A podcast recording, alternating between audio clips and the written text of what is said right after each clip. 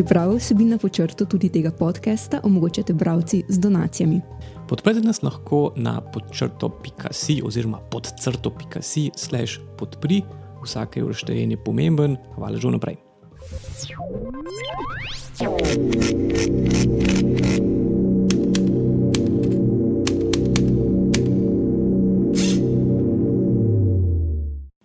Preden pa začnemo s tokratno epizodo, dodajamo še kratko uredniško pojasnilo. In sicer pregledni podcast o zdravstvu, ki ga boste slišali v nadaljevanju, smo posleni, preden je odstopil predsednik vlade Marjan Šarec.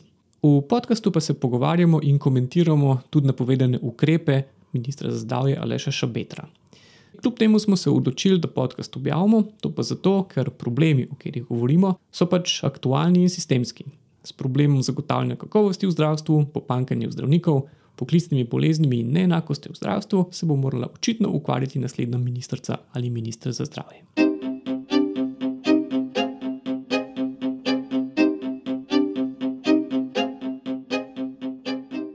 Pozdravljeni v prvi epizodi počrto podcasta v letu 2020 in sicer v 20. Ja, igra številke, tele kar hecna za 2020, začnemo z 200 jubilejno epizodo našega podcasta.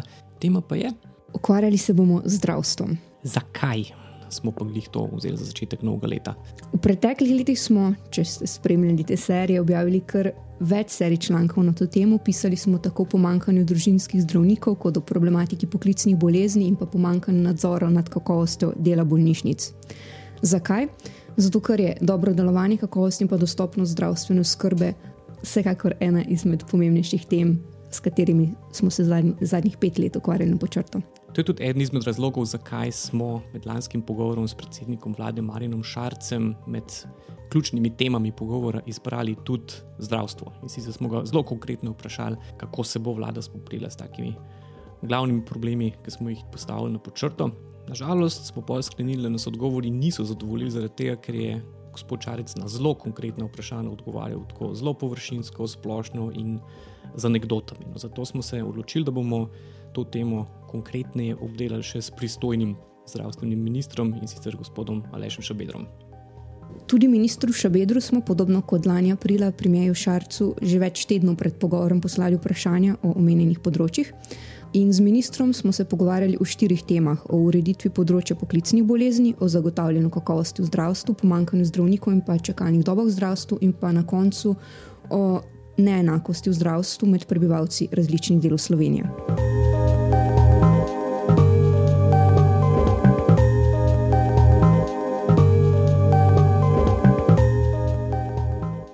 Ker je pa področje zdravstva kompleksno, kar že kažejo te štiri toje glavne različne teme, smo se odločili, da se bomo v tej epizodi začeli ali pa osredotočili predvsem na problematiko nadzora in zagotavljanja kakovosti v zdravstvu. In zdaj za problematiko se mi zdi da je tukaj res najbolj primeren sogovornik, naš urednik, že zaradi tega, ker se s tem skoraj v vsakem članku sreča natanko s tem problemom, da je zagotavljanje kakovosti in nadzora kakovosti v zdravstvu eden od problemov in ena od nujnih sprememb na bolje.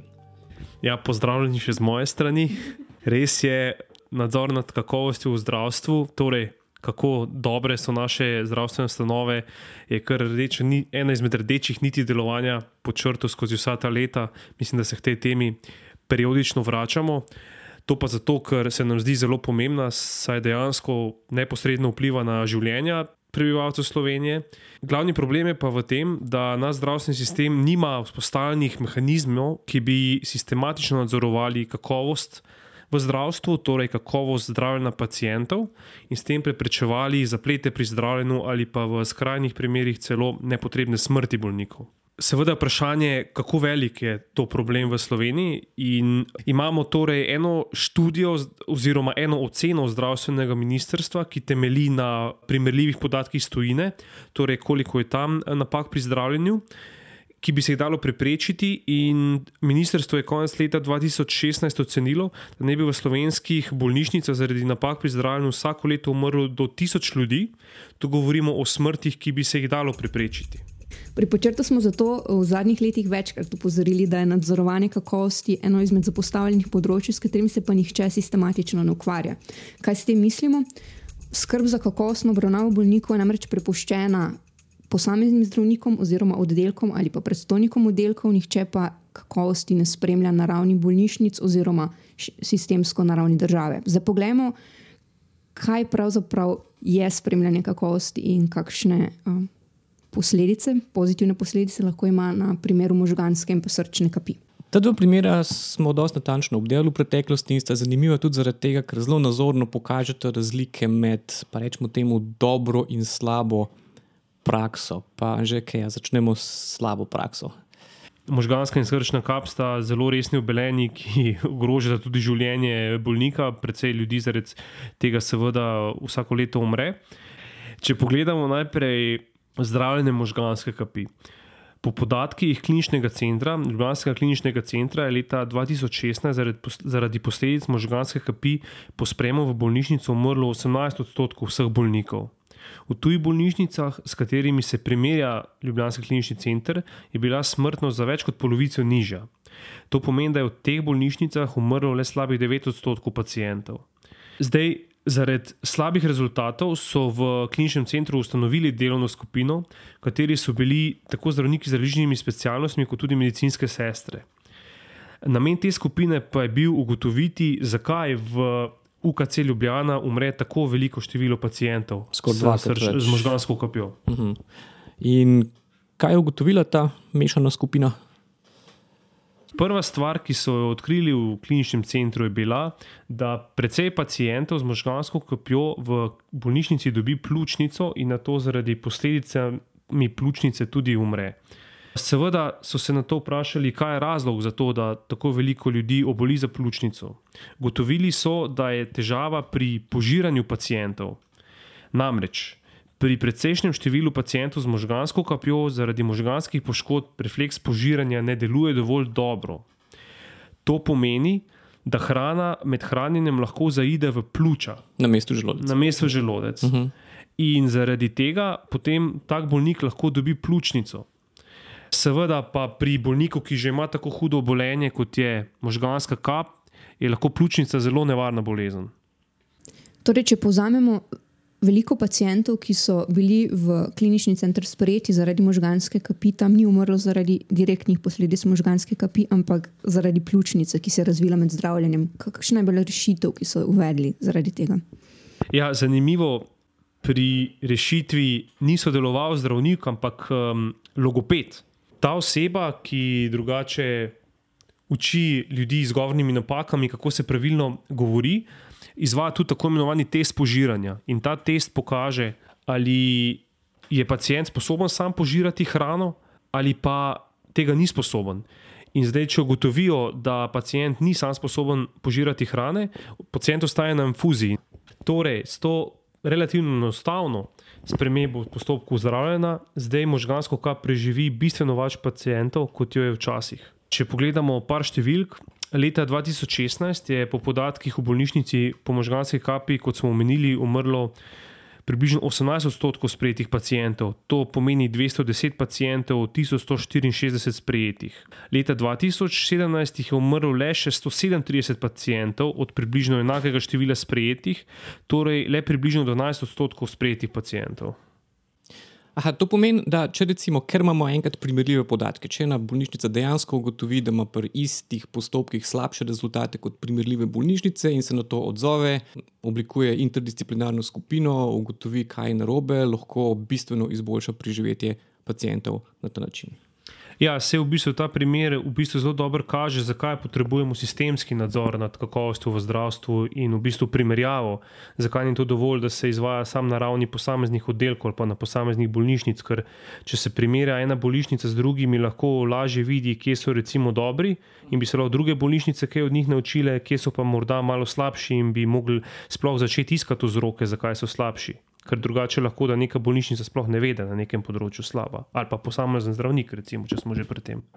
No, ampak recimo, če je ta prvi primer možganske kapije in tak, pa vseeno lahko rečemo dober primer tega, da se bolnišnica odzove na to, da ima slabše rezultate, je pa po drugi strani, recimo, v Ljubljana pri zdravljenju srčnega infarkta, pa že od preloma tisočletja tako zelo dober. Recimo, sredi 90-ih let prejšnjega stoletja je po infarktu umrlo dobrih 16 odstotkov vseh pacijentov.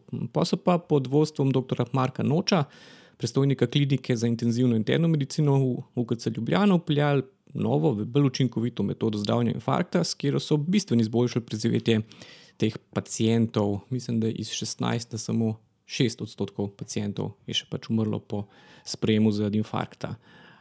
Kaj je konkretno spremenil dr. Noč, da je dosegel tak rezultat? Infarkt nastane, ko nek krvni strdek zapre žilo v srcu. Ta žila srce oskrbuje z krvjo, in v bistvu, če je zaprta, srce ne more dobro delati, po domač povedan. In pri stari metodi so v bolnišnici tak strdek začeli raztapljati z posebnimi zdravili. Ampak to raztapljanje poteka počasi. Doktor Noč pa je upeljal novo metodo, kjer na mesto raztapljanja strdka tega prebodejo, torej pomeni, da takoj spet sprostijo žilo, da lahko kri začne spet teči po žili. In to je v bistvu način, s katerim žilo hitreje naredi spet prehodno, pomeni, da srce hitreje dobi spet potrebno kri in da so možnosti za ozdravljanje precej boljše. Ker seveda pri infarktu se lahko pač razlika med življenjem in smrtjo meri v minutah. Zdaj, smrtnost bolnikov se je po statistikah dr. Noča v petih letih po uvedbi metode zmanjšala z omenjenih 16 odstotkov na le 6 odstotkov. Če vemo, da približno 700 bolnikov na leto utrpi srčno kap in se jih zdravi v UKC Ljubljana, to pomeni 70 več preživelih pacijentov vsako leto zaradi te nove metode, kot nam je v pogovoru pojasnil tudi dr. Noč. Zdaj, pri uvajanju te nove metode zdravljenja, torej prebadena strdka, je bil uh, no, dr. Noč med svetovnimi pionirji, ker so sredi 90-ih let na tak nov način infarkt začeli zdraviti le še na češkem in danskem. In takrat je v bistvu tudi dr. Noč hodil okoli po drugih državah in drugim razlagal, kako neučinkovite zdravijo srčni infarkt. Zdaj, tukaj smo govorili o dveh primerih, kjer v primeru srčne kapi nek posameznik oziroma skupina uvede spremembe, ki izboljšajo sam sistem zdravljenja, na drugi strani pa pri možganski kapi bolnišnica dejansko zaradi primerljivih podatkov se odzove. odzove na in uvede neko spremembo v sistemu zdravljenja, vendar pa vseeno nihče ne spremlja podatkov kakovosti dela vseh oddelkov, še vedno je zadeva prepuščena bolj ali manj oddelkom in vodjem oddelkov samih. Zato ne moremo govoriti o dodelanih sistemih spremljanja kakovosti v slovenskem zdravstvu, ki bi veljal za vse zdravstvene ustanove. Ob tem pa je podatek še en in sicer, da samo zbiranje podatkov samo po sebi ni dovolj. Ja, zato ker kot pri vsaki podatkovni analizi vemo, da je izredno pomembna tudi kakovost podatkov. No, in na tak primer, ko je sicer podatke treba zbirati in sporočati ministrstvu, ampak eh, iz njih ne moremo sklepati na nič kaj zelo uporabnega, smo naleteli na primeru podatkov o pacih in razjedah zaradi preležanin, ki jih morajo zdravstvenemu ministrstvu že več let poročati bolnišnice. Recimo, pred tremi leti smo tako preverili kazalnika pacev in razjed v letih 2014 in 2015 in ugotovili, da se med posameznimi bolnišnicami pojavljajo zelo velike razlike. Recimo, v Ptujski bolnišnici je bilo glede na število sprejetih pacijentov kar šestkrat manj pacev kot recimo v Brežiški. Pri razjedah so pa imeli slabše rezultate v UKC Ljubljana in najboljše v Izoli kjer naj bi domnevno kar petkrat uspešneje preprečevali razjede pri svojih pacijentih kot v UKC Ljubljana. Ampak, Anže, v prispevku si takrat ugotovil, da takšnih sklepov, mislim, da težko rečemo, da je pa zdaj izolska bolnišnica bistveno boljša od UKC Ljubljana ali pa da je recimo Brežiška bistveno boljša kot Ptujska bolnišnica samo na podlagi teh podatkov. Zakaj ni mogoče tako enostavno sklepati? Najprej malo ozadja. Paci in razjede so v bistvu tista kategorija nekih neljubih dogodkov, s katerimi se ukvarjajo predvsem medicinske sestre. Ker pri pač nekih pacijentih v bolnišnicah, ki so pogosto bolj slabotni, je padec resna težava. Če tak pacijent pade, si lahko tudi zlomi kakšno kost, ali pa so lahko posledice še hujše. Razjede zaradi pritiska pa nastanejo predvsem takrat, ko neki pacijenti, ki se ne morejo uh, sami gibati, obležijo na neki strani telesa predolgo na posteli in zato je treba take pacijente redno obračati, da se pa zaradi predolgega ležanja na eni strani telesa ne pojavijo te razjede, ki so pa lahko tudi zelo um, huda posledica neke bolezni, lahko se tudi okužijo, recimo, in to povzroči še dodatne zdravstvene zaplete. Tudi tukaj bi se mogle bolnišnice sistemsko lotiti preprečevanja pacev in razjed, in ministrstvo bi mogli tudi pošiljati uh, rezultate oziroma podatke o tem, koliko pacijentov je v bolnišnici utrpelo padec, kako resen je bil ta padec, koliko pacijentov je dobilo razjede zaradi pritiska, kako resne so bile te razjede. No, ampak to načeloma počnejo. Ne, Ne? vse.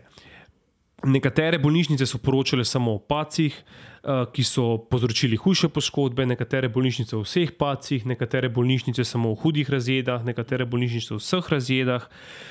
Podatki so bili zelo neprim, neprimerljivi. In še ena zanimiva stvar, tiste bolnišnice, ki so poročale o manj pacih in manj razjedah, imajo najverjetneje večji problem na tem področju in ne manjši problem. Zakaj?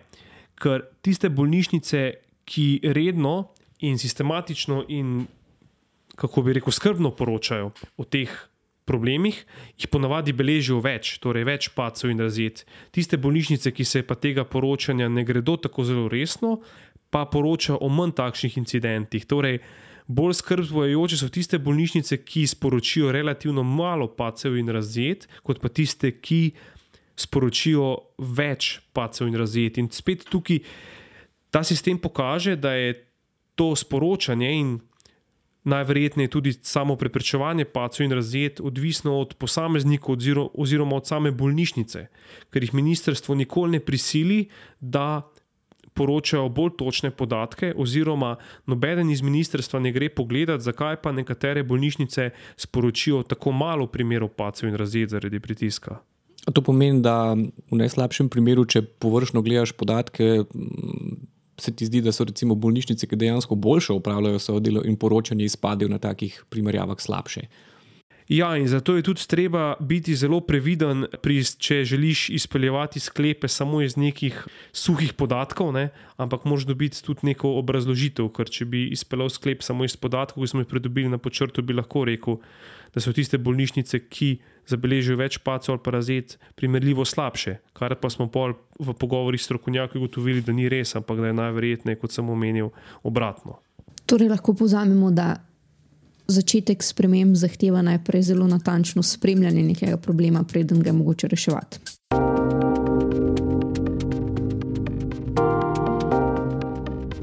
O problemu spremljanja kakovosti in pa nadzorom nad kakovostjo zdravstvenih ustanov v Sloveniji smo govorili tudi z ministrom Alešem Šebedrom, torej zdravstvenim ministrom, s katerim si se Anžeti pogovarjal pred koncem lanskega leta. Kaj je njegovo mnenje o tem problemu oziroma o tej temi? Ministr Šabeder se strinja, da je področje varnosti in kakovosti eno izmed najpomembnejših področji v zdravstveni politiki, s, katerimi se ministrstvo- torej, s katerim se ministrstvo definitivno mora ukvarjati. Vendar pa minister meni, da razmere niso tako slabe, ker po njegovem opažanju vedno več zdravstvenih zavodov, torej bolnišnic, zdravstvenih domov, zdravnikov, spremlja zdrav, ka- kazalnike kakovosti in tudi uh, namenja neko pozornost odpravljanju napak pri zdravljenju pacijentov. Kot primer je izpostavil prav Ljubljanski klinični center, ki naj bi imel po njegovem mnenju zelo dodelan in podrobno opredeljen sistem spremljanja kakovosti svojega dela. Šabeder je bil sicer eh, tik pred nastopom funkcije ministra tudi uh, direktor Ljubljanskega kliničnega centra. Je pa možno, da preveč izhajam morda iz ene svoje izkušnje in preveč optimistično ocenjuje razmere tako v celotnem zdravstvu. Jaz bi si upal trditi, da minister preveč optimistično ocenjuje razmere, sicer, kot smo tudi sami ugotovili, predvsem Ljubljanski klinični center dela neke korake naprej na področju kakovosti, tudi recimo to, kar smo opisali pri zdravljenju um, možganskega kapi, kaže na to. Vseeno je pa ta sistem še precej nedodelan in ni sistemski, da tako rečem. Če je vključena samo ena bolnišnica, oziroma če v UKC Ljubljana nekaj dela, še ne pomeni, da so tudi druge bolnišnice dobre pri nadzoru nad kakovostjo zdravljenja. Je pa tudi povedal, po drugi strani, da zdravniki pri nas nasprotujejo kakršnemu koli rangiranju zdravnikov ali izvajalcev, glede na kakovost njihovega dela. To prakso rangiranja nekatere tuje države že poznajo, pri nas pa je ni. Bi pa lahko bila uporabna tudi zaradi tega, ker bi se na podlagi tega lahko z dodatnimi mehanizmi vzpodbudilo večjo kakovost v bolnišnicah. Kaj s tem mislim? Ena izmed idej je, da bi bolnišnice, ki svojega dela ali pa določenih delov zdravljenja ne opravljajo dovolj kakovostno, zdravstvene blagajne za te posege dobile manj denarja, kar bi se jih na to prisililo v to, da svoje delo opravijo bolj kakovostno. Zdaj minister predvideva, da bi bilo na da bo treba na takšno rangiranje počakati še vsaj nekaj let. Je pa morda tudi precej problematično, da se minister in ministrstvo vsaj v bližnji prihodnosti ne bo preveč ukvarjalo z kakovostjo v zdravstvu, kot nam je pojasnil, ima zdaj trenutno preveč dela na drugih področjih in je kakovost trenutno žal na stranskem tiru na ministrstvu. In kaj v praksi to pomeni, da je kakovost na neprioritetnem seznamu?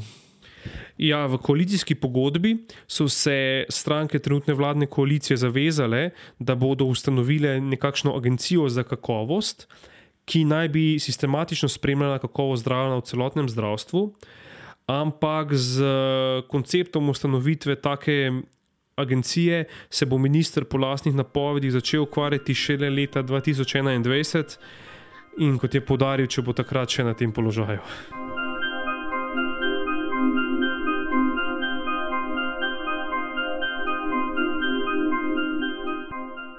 Problem pri teh napovedih pa je seveda ta, da se zapostavljanje nadzora nad kakovostjo zdravstva na ministrstvu vleče že vrsto let. In na to je ministra Šabedra kmalo po objavi našega intervjuja opozoril tudi varuh človekovih pravic Petr Svetina, ki je v začetku januarja gostil ministra na delovnem srečanju in minister je opozoril, da ministrstvo predolgo odlaša s sistemskimi ukrepi na več področjih zdravstvenega sistema in da bi v bistvu ministrstvo moglo več energije in časa nameniti tudi odpravljanju sistemskih napak v zdravstvu, ne samo odzivanju na akutne krize, da tako temu rečem. In prav akutne težave v slovenskem zdravstvu so naslednja tema, o kateri smo govorili z ministrom Šabedrom. In sicer je v pogovoru z nami komentiral tudi težave pomankanje družinskih zdravnikov, s katerim se v Sloveniji soočamo že več let. Prav na začetku njegovega mandata so družinski zdravniki v Kranju 23 zdravnikov dali odpovedi zaradi, po njihovem mnenju, neuzdržnih razmer, ki so jih kasneje zaradi posredovanja ministra potem preklicali. Take razmere, pa če ostanemo še v tej zdravstveni terminologiji, izbruh te akutne bolezni so dopustili že njegovi predhodniki, prejšnji ministri za zdravje, ker pač niso prisluhnili opozorilom, kako zelo v Sloveniji primankuje družinskih zdravnikov. Zdaj, prpočrto smo v, že v začetku leta 2015, kar pomeni, da je že pred petimi leti, opozarjali na, na pomankanje družinskih zdravnikov in s tem seveda tudi na negativne posledice za zdravje pacijentov. Ker že takrat pred petimi leti bi v Sloveniji potrebovali več sto dodatnih družinskih zdravnikov, da bi sploh dosegli strokovne standarde števila pacijentov na posameznega zdravnika. In kaj nam je o tej, še enkrat, akutni temi povedal minister Šabeder? Anže. Ministra je ta tema pričakala dobesedno na mizi, ko je prvi stopil v pisarno in seveda je povedal, da je nujno povečati število družinskih zdravnikov v državi. To pa se lahko zgodi na dva načina, nam je pojasnil. Prvo je z povečanjem upisnih mest na medicinskih fakultetah v Sloveniji, torej na Ljubljanski in Mariborski, ali pa s tako imenovanim uvozom zdravnikov iz tujine. Zdaj, kar zadeva upisna mesta na fakulteti.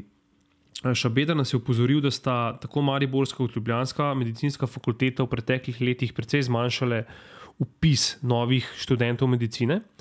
Za prihodne študijsko leto je medicinska fakulteta v Ljubljani razpisala 150 mest, Mariborska pa 86.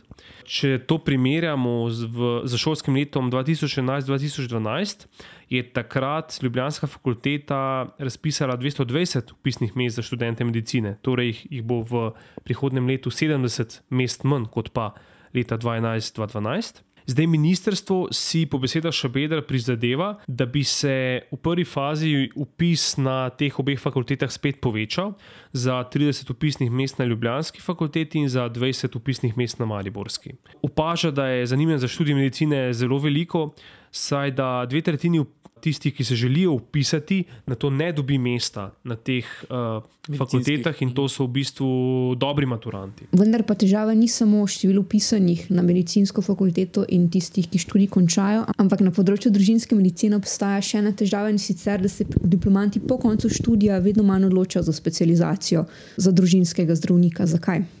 Vzrok za to je po mnenju ministra prav ta preobremenjenost družinskih zdravnikov, zaradi katere so v preteklosti nekateri že grozili z odpovedmi oziroma dali odpovedi in na to preklicali. Vzrok za to ne bi, bil tudi, ne bi bila tudi negativna medijska kampanja in druge težave v primarnem zdravstvu. In zato Šabeder meni, da bi bilo treba za povečanje števila družinskih zdravnikov med drugim tudi zmanjšati njihove obremenitve, izboljšati pogoje dela in pa na koncu tudi zvišati njihove plače. Eden izmed ukrepov ministra je bil zato odpravljanje administrativnih ovir oziroma bremen, torej da imajo zdravniki čim manj dela s papirologijo, in pa neke finančne stimulacije, torej da se da višja plačila tistim zdravnikom, ki imajo upisanih več pacijentov oziroma obravnavajo več pacijentov. Na ta način je, po mnenju Šabedra, na dolgi in srednji rok mogoče narediti ta poklic bolj atraktiven in spodbuditi tiste, ki so končali medicinsko fakulteto, da se odločijo za specializacijo iz družinske medicine. No, sem se jih ta dolgi in srednji rok malo skrbi, zaradi tega, ker smo že pred petimi leti ugotavljali, da je manjkalo tako več sto zdravnikov je zdaj tukaj 50 dodatnih upisnih mest, verjetno premalo, tudi če bi se skoraj vsi od, odločili za specializacijo družinske medicine, kar je malo verjetno. Zdaj, to pomeni, da, bo, da bojo morali na ministrstvu vsem razmisliti tudi o uvozu zdravnikov v tujine in olajšati ta proces. Seveda, in o tem tudi intenzivno razmišljajo, oziroma nekatere ukrepe že izvajo. Zdaj, zaradi relativno nizkih plat zdravnikov v Sloveniji, pri nas, v primerjavi z državami Zahodne Evrope, prihajajo k nam večinoma zdravniki iz držav bivše Jugoslavije, kjer pa se je zdaj pojavila težava z jezikom, saj ne bi do zdaj bila zahtevana raven znanja slovenskega jezika za tujega zdravnika, ki želi delati v Sloveniji C1, zdaj pa si ministrstvo želi to raven spustiti na B2. Torej, da, bi, eh, da ne bi bila zahtevana tako visoka raven znanja slovenskega jezika. Ta standard B2 je tudi tak, ki ga imajo v Nemčiji, zato minister trdi, da z nekim manjšim znižanjem standarda ne bo prišlo do slabše obravnave pacijentov pri teh eh, tujih uvoženih zdravnikih. In v bistvu zdaj so na ministrstvu aktivno vključeni v to, da bi se ta standard znanja jezika znižal in da ne bi to potem omogočilo tudi nekoliko višji uvoz zdravnikov v Slovenijo. Uh mhm, -huh, lažji začetek dela. Kljub temu, da so čakalne dobe v Sloveniji ena izmed eh, bolj medijsko izpostavljenih tem že zadnjih nekaj let. Ali pa celo najbolj v zdravstvu. Ja. Poleg dodatnega zavarovanja. ja, res. Pa so čakalne dobe niso povezane samo z delom bolnišnic oziroma specialistov z področja ortopedije, dermatologije, kardiologije in drugih specializiranih področjih, kjer so trenutno čakalne dobe najdaljše, ampak so direktno povezane s pomankanjem družinskih zdravnikov. So ugotavljali na ministrstvu, kakšna je ta povezava med tem dvojem. Na ministrstvu so to ugotovili v okviru pilotnega projekta zniževanja čakalnih dob na področju ortopedije. Ministrstvo se je lotilo najprej področja ortopedije, na to pa bi rado čakalne dobe zniževalo tudi na drugih najbolj kritičnih področjih. In v okviru tega projekta zniževanja čakalnih dob v ortopediji so tudi ugotavljali, kaj so najbolj pomembni vzroki za dolge čakalne dobe na tem področju.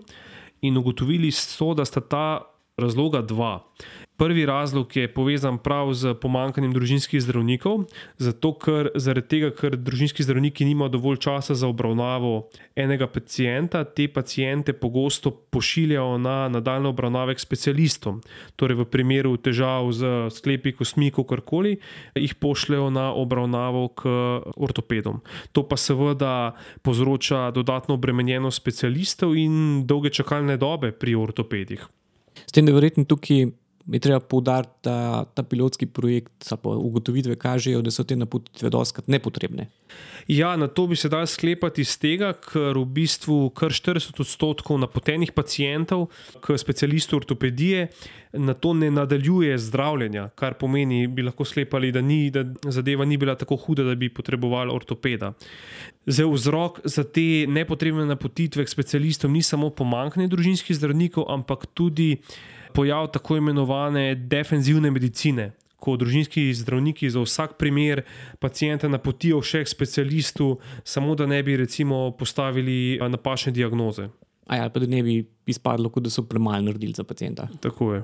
In uh, kako nameravajo po besedah ministra zmanjšati ti dve um, težavi, ki si jih izpostavil? Zdaj, uh, minister želi čakalne vrste na področju ortopedije zmanjšati tako, da bo zagotovil dodaten denar za popodansko obratovanje nekaterih specialističnih ortopedskih ambulant v državi. To pomeni, da bo torej specialisti ortopedi lahko obravnavali več pacijentov. Ob tem je pa minister opozoril še na drugi razlog za dolge čakalne dobe na področju ortopedije. Te zadevajo pa dolgotrajno čakanje na operacije. Po gotovitvah ministrstva si kar 93 odstotkov pacijentov, ki so napoteni na ortopedsko operacijo, želi samo izbrati kirurga, ki jih bo operiral. Ne? To pa pomeni, da so nekateri kirurgi nadpoprečno obremenjeni, nekateri kirurgi pa niso obremenjeni in bi lahko izvedli več operacij. Zdaj, zakaj pride do tega? Ne? Veliko ljudi, ki gre na operacijo, si recimo pri prijateljih, znancih, se pozanima, kateri kirurgi ne bi bili dobri. In potem se želijo iti operirati jih tistemu kirurgu. Posledica pa je, kot sem omenil, da obstajajo tudi kirurgi, ki ne, niti ne zapolnijo svojega plana operacij na leto. Čeprav niso nič slabši kirurgi kot tisti, ki imajo naval pacijentov, tako rečem. A pa imajo na ministrstvu kakšno idejo ali rešitev, kako bolj enakomerno porazdeliti obremenitve kirurgov? Ministrstvo je predvsem povečalo število operacijskih dvoran in zagotovilo spet dodatni denar za tiste najbolj zaželene izvajalce, zato da bodo lahko ti izvedli več operacij in s tem skrajšali čakanje na operacijo je povedal Šabeder. In on misli, da lahko s tem ukrepom zmanjšamo ali celo popolnoma izničimo nedopustno dolge čakalne dobe na področju ortopedije do leta 2024, torej v roku štirih let. Potem pa, ko mu bo uspelo to, oziroma ko bo uvedel te ukrepe, pa Šabeder napoveduje, da bo te ukrepe. Oziroma, da bo začel ukrepe za zmanjševanje čakalnih dob izvajati tudi na drugih kritičnih področjih, kot so recimo kardiologija ali pa reumatologija ali pa dermatologijo.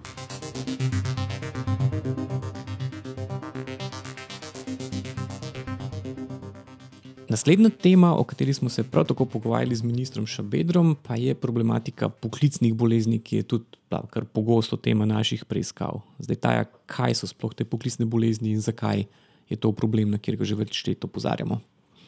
Poklicnih bolezni je cel spekter in sicer to so od izgube sluha zaradi hrupa v industriji, mišično-skeletnih obolenj, ki so povezane s težkim dolgoletnim fizičnim delom, potem so tu poklicne astme in pa tudi različna rakava obolenja. Posameznikov s poklicno boleznijo ne bi bilo po ocenah strokovnjakov v Sloveniji več deset tisoč, to so torej vsi tisti, ki so zboleli zaradi upravljanja svojega poklica in so zaradi tega po slovenski zakonodaji upravičeni tako do ustrezne pokojnine, pogosto pa tudi od očkodnine delodajalca, če ta ni uh, omogočil ustrezno varnih razmer za delo. Vendar pa je problem, da zaradi eh, neustreznosti sistema odkrivanja in pa potrjevanja poklicnih bolezni praktično nobeden izmed obolelih ni deležen pravične pokojnine, ne očkodnine. Skratka, ljudje, ki naj bi bili poklicno bolni, ne morejo uveljavljati svojih pravic. Uh, zakaj je? Težava je najprej v tako imenovanem pravilniku o poklicnih boleznih, ki ureja to področje. Pravilnik o poklicnih boleznih ne določa, katere bolezni so povzročile delovne razmere. To pa na to zdravnikom otežuje ugotavljanje, ali je neka bolezen pri posamezniku res povezana z delom, ki ga opravlja oziroma ga je opravljal. Druga težava je v tem, da pravila določajo, da zdravnika, ki ugotavlja te poklicne bolezni, plača delodajalec. Kaj to pomeni? Zdravnik je zaradi tega lahko podvržen konfliktu interesov. Če ugotovi poklicno bolezen pri nekem posamezniku, potem lahko s tem finančno škodi delodajalcu, zato ker lahko ta delavec delodajalca toži za odškodnino. Seveda, in zato, da zdravnik ne bi izgubil pogodbe s takim delodajalcem, se lahko odloči, da poklicnih bolezni preprosto ne bo ugotavljal. Zato, ker če pač nek zdravnik pri nekem delodajalcu ugotovi veliko število poklicnih bolezni, mu lahko delodajalec zagrozi, vkolikor boš še naprej odkrival poklicne bolezni, bom našel drugega izvajalca zdravstvenih pregledov. Zdravnike sistem tako na nek način spodbuja, da pri zaposlenih ne ugotavljajo poklicnih bolezni kar pomeni, najprej sploh nimamo jasno določenih meril, potem pa še sistem zdravnike spodbuja. Ja, potem pa pridemo še bolezni. do tretje težave, ki je pa tako imenovana verifikacija poklicne bolezni. Torej, če zdravnik medicine dela pri delavcu posumi na poklicno bolezen, ta izvid še ni dovolj. Da se potrdi poklicna bolezen, mora delavec uh, pridobiti tako imenovano verifikacijo, ki jo pa izvaja uh, klinični center v Ljubljani, ta center za medicino, klinični inštitut za medicino dela. In ta verifikacija pa stane, ponovadi tam okoli 1000 evrov. In predvsej delavcev, ne, če, če vemo, da predvsej delavcev, ki dobijo poklicne bolezni, so delavci v industriji, ki nimajo zelo visokih plač. In za predvsej delavcev je lahko tak strošek, predvsej velik strošek, in se lahko potem tudi ne odločajo, da plačajo za to verifikacijo. Še posebej zaradi tega, ker mu ta verifikacija še ne zagotavlja, da bo deležen pravične pokojnine in odškodnine od delodajalca ker tu pridemo pa do naslednjega problema, da sodišča potem v spodni, sodnih sporih te verifikacije ne upoštevajo kot dokaz, ampak imenujejo svojega izvedenca, ki bo ugotavljal na sodišču, ali je neka bolezen povezana s poklicem, ki ga je upravljal tak delavec. Eh, mnenja tega izvedenca so pa po opažanjih Kliničnega inštituta za medicino dela pogosto različna od tega, kar so strokovnjaki ugotovili v verifikaciji. Posledica vsega tega, kar si sedaj naštel, pa je, da po ocenah strokovnjakov za poklicno boleznijo v Sloveniji zboli letno vse okoli tisoč ljudi, po radnih statistikah pa je teh ljudi okoli 30, ob tem, da odškodnine ne dobi tako rekoč nihče. Tudi ta problematika eh, ni nova in misel zdravje se že od leta 2013 ukvarja z ugotavljanjem poklicnih bolezni. Našemu mediju so že daj, od leta 2015, ko smo se začeli s tem ukvarjati, obljubljajo temeljite spremembe, sprejetje potrebnih ukrepov na tem področju. Ampak še do danes niso sprejeli nobenih ukrepov, ki bi tem poklicno bolnim omogočali pravične pokojnine in odškodnine in sploh uveljavitev teh pravic. A je te ukrepe obljubil? Ministr Šabeder se je strinjal s tem, da stanje na, pokli, na področju poklicnih bolezni ni urejeno in da je zaradi tega tudi eno izmed najbolj perečih področji zdravstva trenutno. Povedal je tudi, da so glavni nasprotniki ureditve tega področja predstavniki delodajalcev. Zdaj, delodajalci se seveda bojijo, da bo več ugotovljenih poklicnih bolezni pomenilo več tožb proti njim, več odškodninskih tožb in zaradi tega na nek način zavirajo spremembe. Je pa ministr Šabeder kljub temu obljubil, da bo problematiko poklicnih bolezni rešil do junija letos. Takrat bo namreč dal vladi v potrditev nov zakon o zdravstvenem varstvu in zdravstvenem zavarovanju, ki naj bi sistematično uredil tudi področje poklicnih bolezni. In minister je tudi rekel, da tudi če delodajalci ne bodo soglašali z rešitvami, bo kljub temu eh, zakon posredoval vladi in si prizadeval za njegovo uveljavitev. Lahko rečemo, da smo zadovoljni s tem odgovorom. Z, po eni strani smo z odločnostjo tega odgovora lahko zadovoljni, Po drugi strani se je pa treba zavedati, da na ministrstvu že od leta 2015 praktično vsako leto obljublja, da bo zadeve rešilo, pa je še do zdaj ni. Tako da, dokler ne vidimo na lastne oči, da tako rečemo, ne bomo prepričani, da bo ta obljuba ministra držala.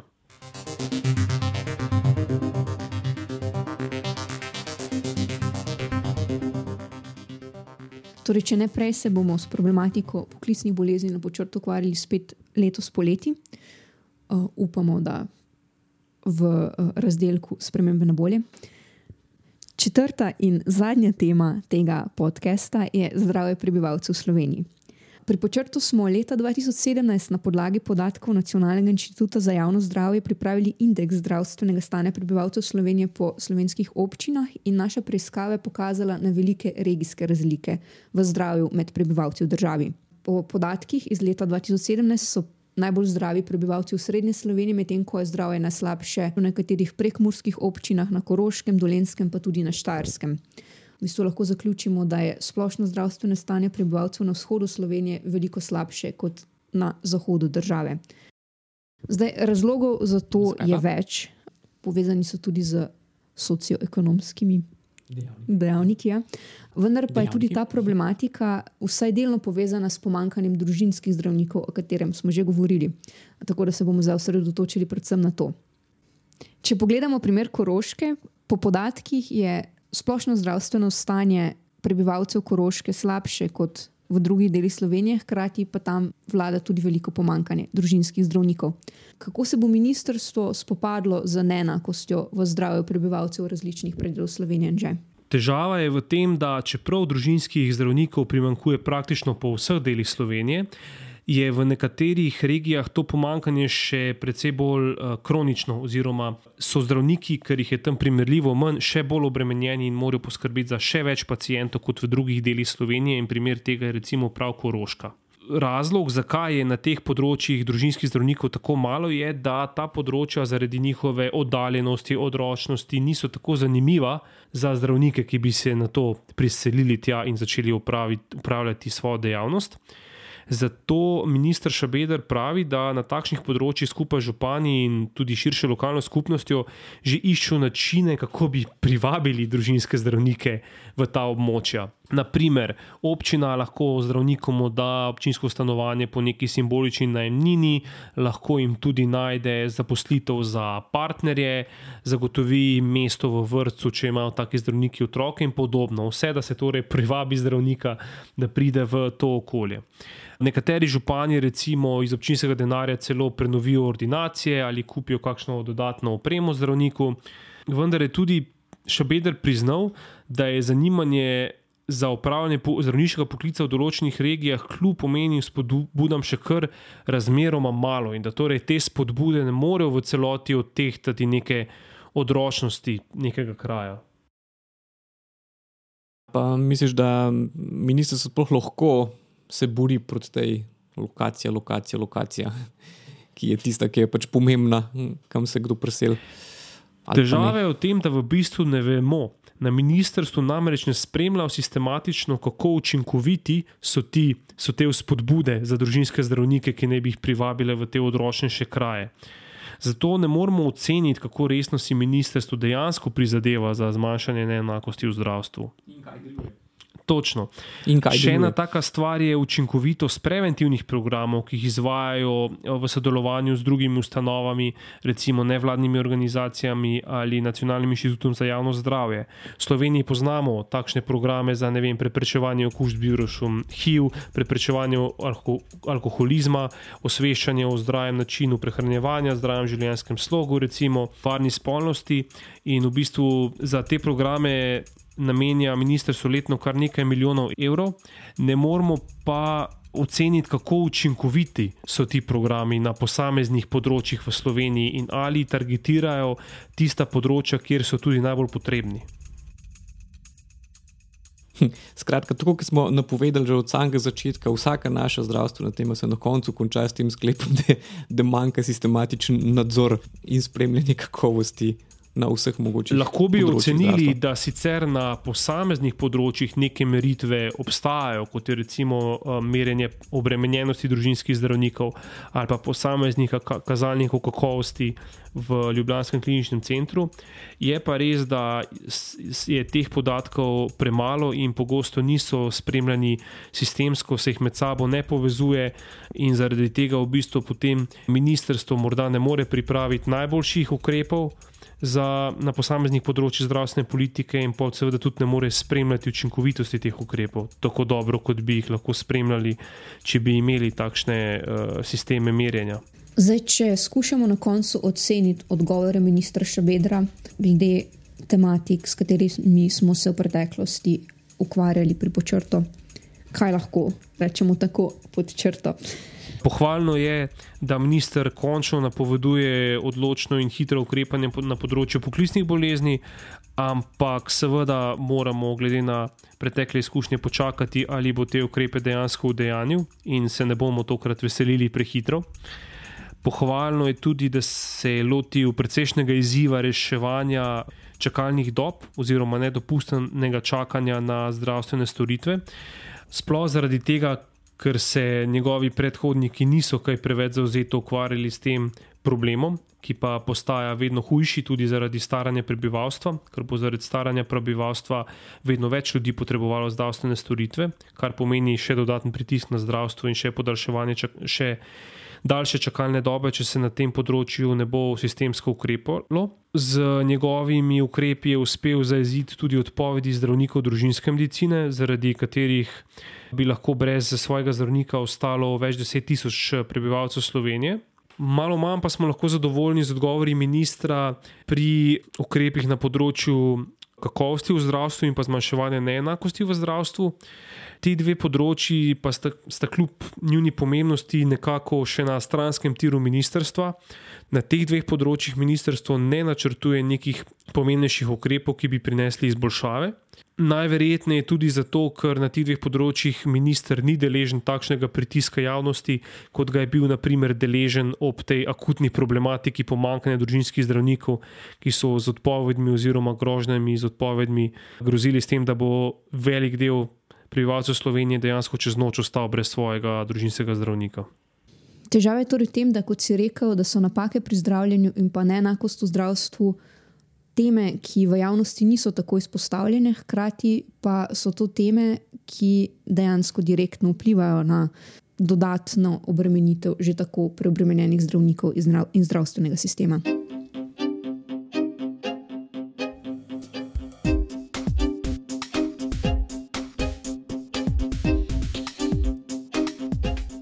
No, in poleg teh dveh omenjenih tem je ena tako podobna tema tudi staranje prebivalstva, zato ker vemo, da bo prav staranje prebivalstva in ta spremenjena demografska slika še precej povečala priliv. Seveda, če pogledamo, sistem. vsaka napaka, ki se zgodi po zdravljenju, jo mora nekdo odpraviti in to je spet zdravnik in s tem pomeni dodatno obravnavo pacijenta in dodatno obremenjevanje zdravnika če ne poskrbimo za zmanjševanje debelosti, sladkornih bolezni, torej za zmanjševanje neenakosti v zdravstvu v Sloveniji, bodo ti ljudje bolj bolni in bodo spet bolj rabili zdravnika in bodo s tem še povečali pritisk na zdravstveni sistem. Starejši kot smo ljudje, bolj smo bolni, več potrebujemo zdravstvene oskrbe, še en pritisk na sistem. Zato bi bilo nujno, da se začne ministrstvo čim prej ukvarjati tudi s temi sistemskimi težavami, torej kakovosti v zdravstvu in pa neenakosti v zdravstvu, zato ker se bodo te težave hitro odražile tudi na tako imenovanih akutnih težavah. Ki, potem, ki smo potem delo, deležni nenadno in povzročijo veliko razburjenje v javnosti, kot je naprimer pomankanje zdravnikov nasprotnem primeru na ministrstvu tvegajo, da jim bodo razmere ušle iz rok, tako kot so jim ušle lani spomladi, ko, pres, ko so jih presenetile nenadne odpovedi oziroma napovedi odpovedi družinskih zdravnikov v več krajih v Sloveniji. Ja, s tem, da ta presenetili lahko damo v navednice, ker pač smo povedali, da so na to strokovnjaki in tudi sami družinski zdravniki opozarjali že dolgo časa.